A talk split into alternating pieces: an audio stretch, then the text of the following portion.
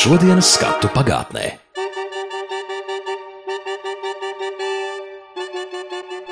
–1939. gada 1. septembrī ar hitleriskās Vācijas iebrukumu Polijā sākās Otrais pasaules karš.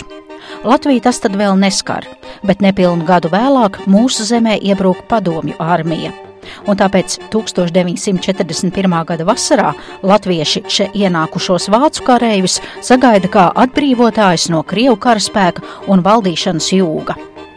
Bet prieki, ka nu atkal būsim saimnieki savā zemē, ir īsi, un drīz vien esam spiesti pakļauties Trešā reiha vadībai.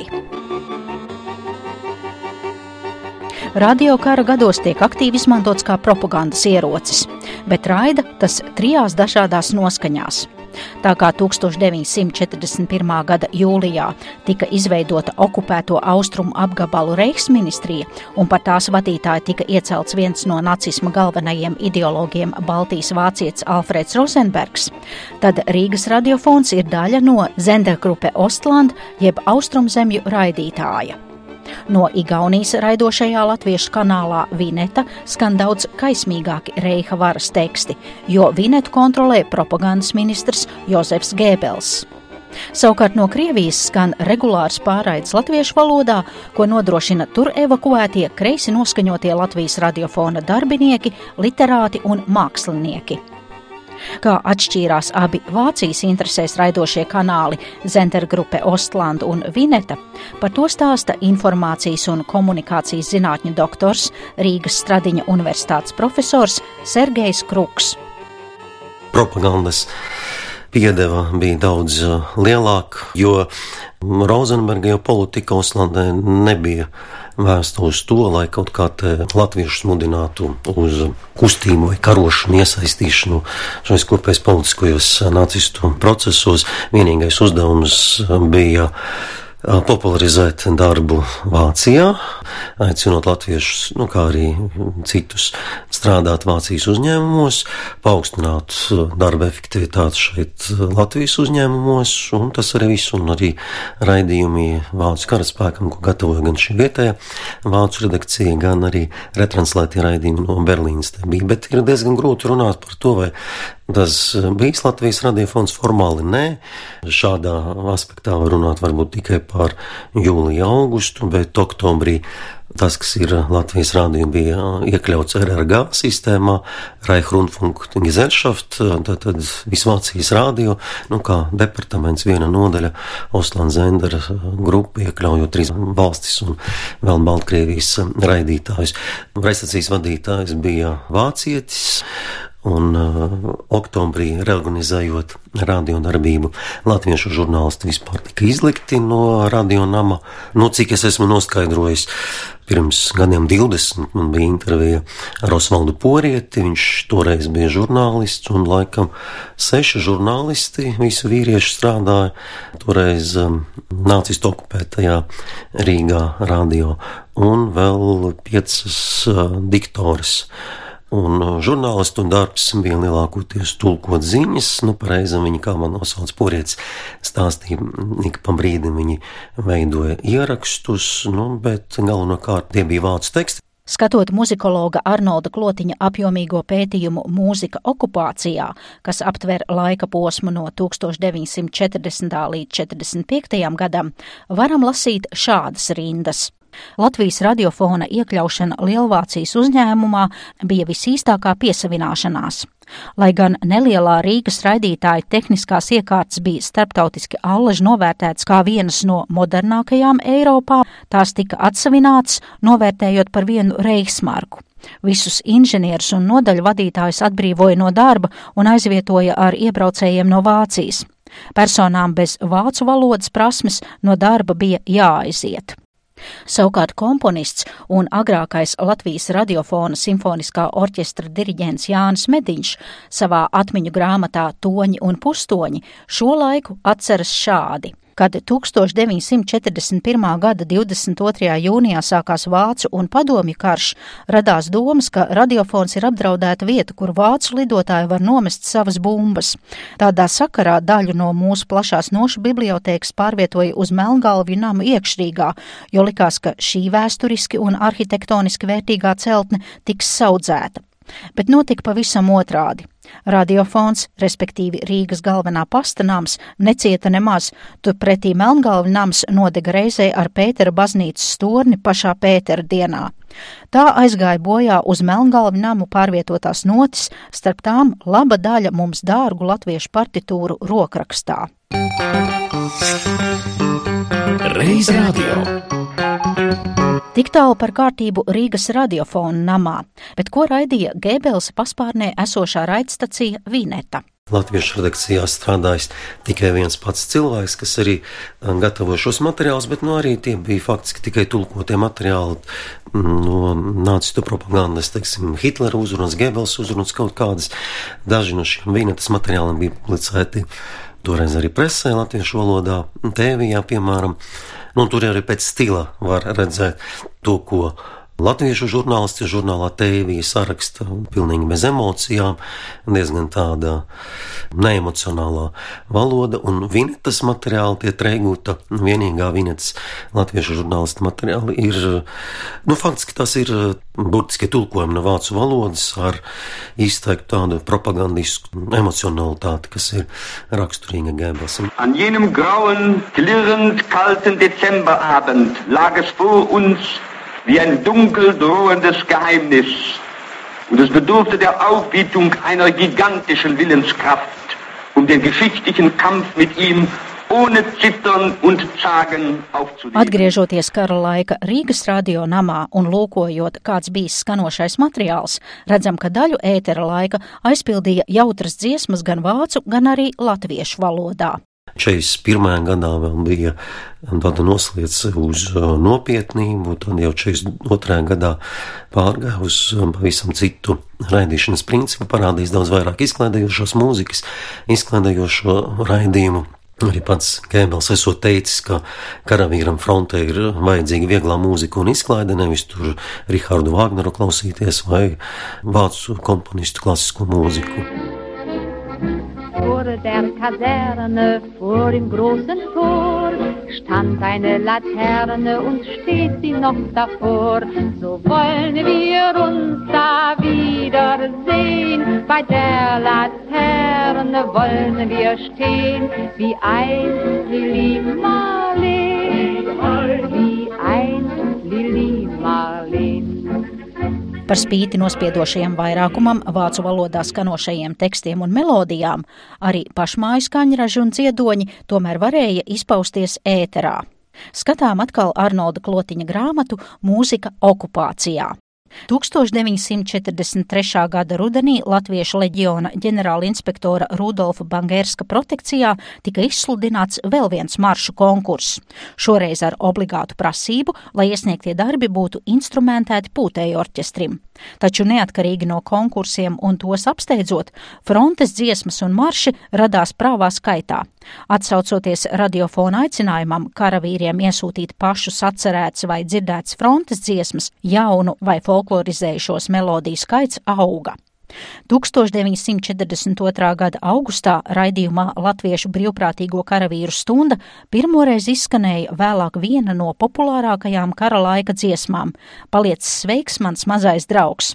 Anotācijā pieteikta, kā kādas latviešu karavīru vienības frontei kopīgi komponēts maršs. Faktiskais šī liriskā marša mūzikas autors bija kaprālis, vēlākais koru un mūzikas pedagoģijas darbinieks Evalds Siliņš, kurš kopā ar teksta autoru karēvi Ādolfu Urbānu dziesmu bija sacerējis savā dienesta vietā Baltkrievijā. Latvijas zēni, kā no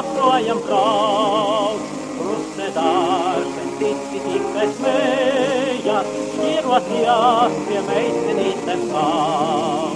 Paliec sveiks, mans mazais drāns, mūsu mīlas laiks bija.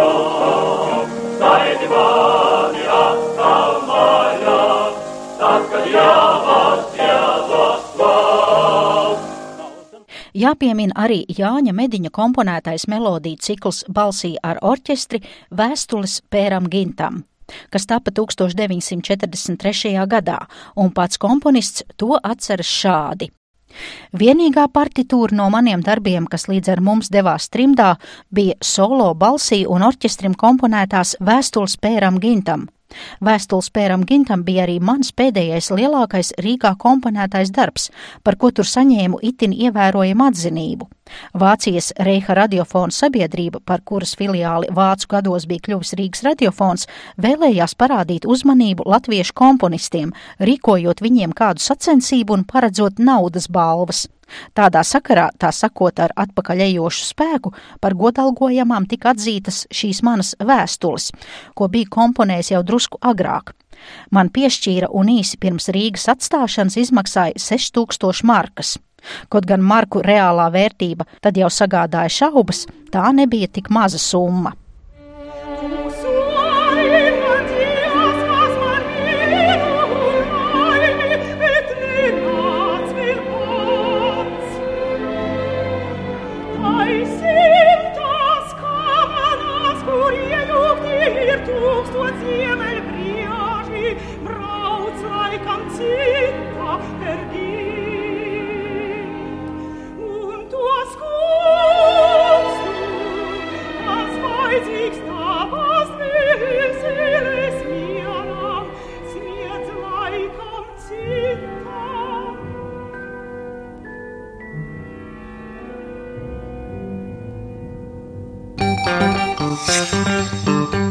Reiz radio. Bet mans sarunu biedrs Sergejs Kruks turpina stāstīt par Zendergrupe Ostlanda raidījumiem no Rīgas. Savukārt šeit latviešu valodas redakcija, ko viņi gatavoja, tad tulkoja žurnālisti materiālus no vācu valodas un eh, emocionālā gara uzturēšanai rīkoja koncertus rūpnīcās, darba vietās, tā skaitā arī jā, lai emocionāli iesaistītu darbiniekus, lai šī rūpnieciskā ražošana ar labāku kvalitātē turpinātos šeit Rīgā, tā kā brauca mūziķi ar diktorēm. Nu, divus zaķus nošauja.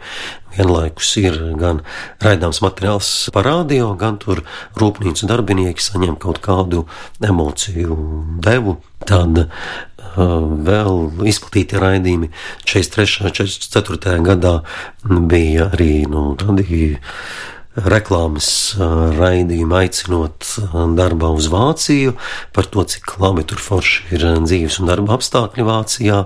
Un joprojām vācieši turpina aģitēt austrumu teritoriju iedzīvotājus, braukt strādāt uz vācu rūpnīcām. Tad materiāli par taupīšanu, jo kara laika jātaupa gan elektrība, gan frontei viss kas jādod sākot ar vilnas zeķiem un uh, beidzot ar produktiem. Tāpēc uz vietas varēja taupīt un skanējuši šādi raidījumi, kas uh, nu, mācīja, aģitēja uz taupību. 1944. gadā Vācu armija saprot, ka karš ir zaudēts, un tas arī ienes pārmaiņas radio ēterā. Skatu atkal Arnolda Klotiņa rakstīto. Nacistiskās okupācijas varas iestādes gatavojās Rīgas atstāšanai jau no 1944. gada vasaras. Radiofona ēka bija viena no tām, ko paredzēja nopostīšanai. Tur izvietoja acetona mucas, lai vajadzīgā brīdī degvielu izlaistītu un aizdedzinātu. Augustā radiofona informatīvos, literāros un mūzikas raidījumus pamazām pārvietoja uz Liepāju. Uz Liepāju evakuētais radiofons darbojās sašaurinātā apjomā.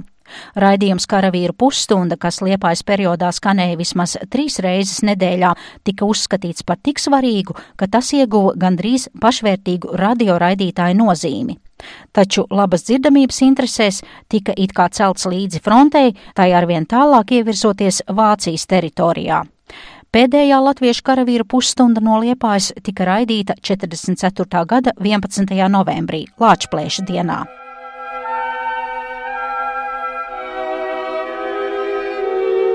Un galvenokārt gāja komponistu mūzika, kas atradās tā sauktajā vāciskajā zonā. Nu, vienīgais, kas no ārpuses vēl tur druscīt lists paspīdēja, bet no slāvu mūzikas, nu, dožāks vēl minēts tika un smetana.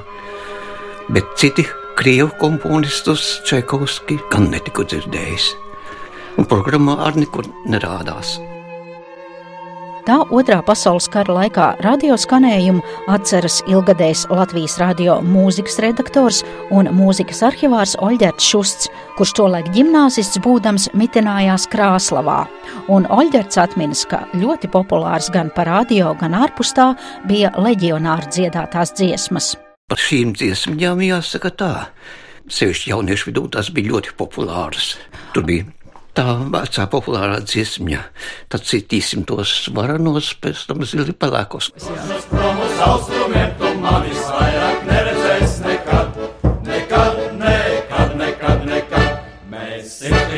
Tos utainos arvien, arvien, pēc tam tos zili pelēkos arvien, arvien. Mēs sirdīsim tos utainos, pēc tam tos zili pelēkos arvien, arvien, Uz šo sarunu Oļģerts Šusts ir arī atnesis kara laikā izdoto radioprogrammu Hallo Latvija, kas 1941. gadā tika bagātīgi ilustrēta ar tā laika populārā latviešu karikatūrista Ernesta Rirdāna zīmējumiem. Bet šajos pirmajos žurnālīšos man šķita, kā toreiz pavisam jaunam vēl ģimnastam, tas, ka populārajā stāstu un izklaidējošajā daļā bija iesaistīti ļoti aktīvi humorists Ačuks un Rirdāns. Nu, Rirdānu viens otrs atcerās, jo tādā stilā pēc tam zīmē Gunārs Bēziņš savas karikatūras, bet Ačuks vienā no pirmajiem radioprogrammas žurnāliem bija ievietojis tādu mazu pantiņu. Kad būs visi zemē sisti, tie, kas stāv uz melno listi, paliks čisti komunisti. Nu, tajā laikā, kad mainījās varas, es biju laukos, atceros ganīju lopiņas, biju uztaisījis pats sev kristāla detektoru aparātu, eglītē uzvilku garu antēnu, iekāpu eglē un klausījos, un dzirdēju toreiz tieši pirmo pārraidi no Daugavpils, no vagona, kas nācis no Maskavas. Tur spēlēja, starp citu, Dievs svētī Latviju Reitera kora izpildījumā, un pēc tam nāca visādi stāstījumi par to, kas kur noticis un tam līdzīgi. To es dzirdēju sēdēdams eglē ar austiņām. Daugaupilī esošo latviešu raidstaciju kara beigās vadīja radiožurnālists Boris Hiršfelds, kura 1977. gada izdotajā grāmatā 28 stundas diennaktī varam lasīt par to, kas tad otrā pasaules kara laikā skanēja latviski no Maskavas un Kuibiševas. 1941. gada 29. jūnijā hitlērieši sāk apšaudīt Rīgu ar artilēriju. Garām radionamam nepārtraukti plūst sarkanās armijas daļas, kas atkāpjas uz austrumiem. Arī mēs dodamies ceļā, braucam uz Ļeņingradu. Tālāk no Ļeņingradas daļa radio darbinieku pārceļas uz Maskavu, un tur tiek nodibināta latviešu redakcija, un 1941. gada 9. jūlijā sākas regulāras pārraides latviešu valodā no Maskavas. Nāvi vācu okupantiem ar šādiem vārdiem sākas un beidzas ik viens raidījums latviešu valodā. Vācu okupanti nemitīgi vajā Maskavas raidījumu klausītājus, un 1942. gadā sāk draudēt pat ar nāvis sodiem. Kā atceras Boris Hiršfelds, tad raidījumos, kas toreiz notika trīsreiz dienā, centrālo vietu ieņēma padomju informācijas biroja ziņojumi un centrālo laikrakstu materiāli. Par aktīviem autoriem ir kļuvuši latviešu rakstnieki Andrēs Upīts, Vilis Lācis, Jānis Sudrabkalns un citi. Lielu aktivitāti, it īpaši radiopublicistikā, parādīja literāts Jānis Sudrabkalns. Viņš aicināja savus tautiešus Latvijā saliedēties un, kur vien iespējams, pretoties fašistiskajiem apspiedējiem un izrēķināties arī ar latviešu kangariem. Tie ved pa takām cīņu apliesmotām, kur dzīve dzīru galds, kas visiem klāts, un nedziest loks pēc naktīm izkarotām. Nav ostas kuģiem, liesmo sapņu vārds, pret jaunām tālēm sapņos atstarotām, līdz ceļas sapņotāja prātā. 42. gada sākumā par radio uzstājās pirmā latviešu mākslinieku frontes brigāde. Šo brigādi vada operdziedātājs komunists Rudolfs Bērziņš, kuram 1944. gadā piešķir Republikas tautas skatuves mākslinieka goda nosaukumu. Frau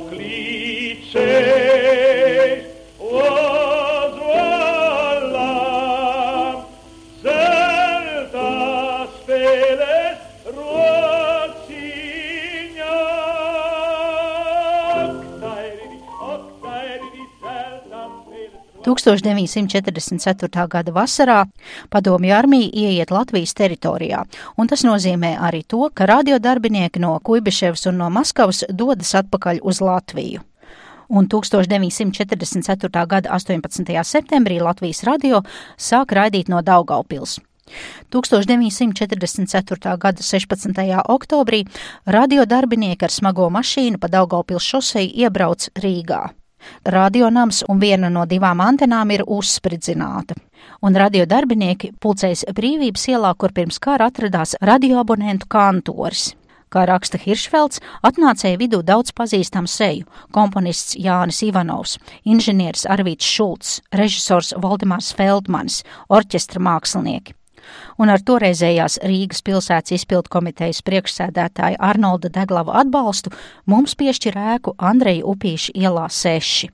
Padomju laikos tur atradās politiskās izglītības nams, bet tagad šajā ēkā, skolas ielā 6, kur pirms kara atradās ebreju teātris, tagad atrodas Latvijas ebreju kopiena.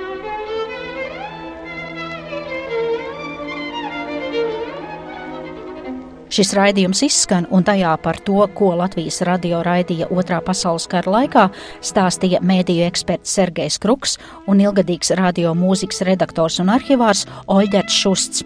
Raidījumā tika izmantoti materiāli no grāmatām Jānis Mediņš Toņi un Pustoņi, Arnolds Klotiņš Mūzika okupācijā un Boris Hiršvelds 28 stundas diennaktī.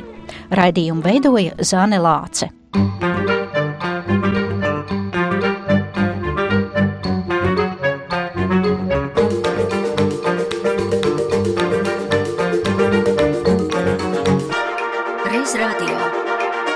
radio. Reiz radio ar šodienas skatu pagātnē.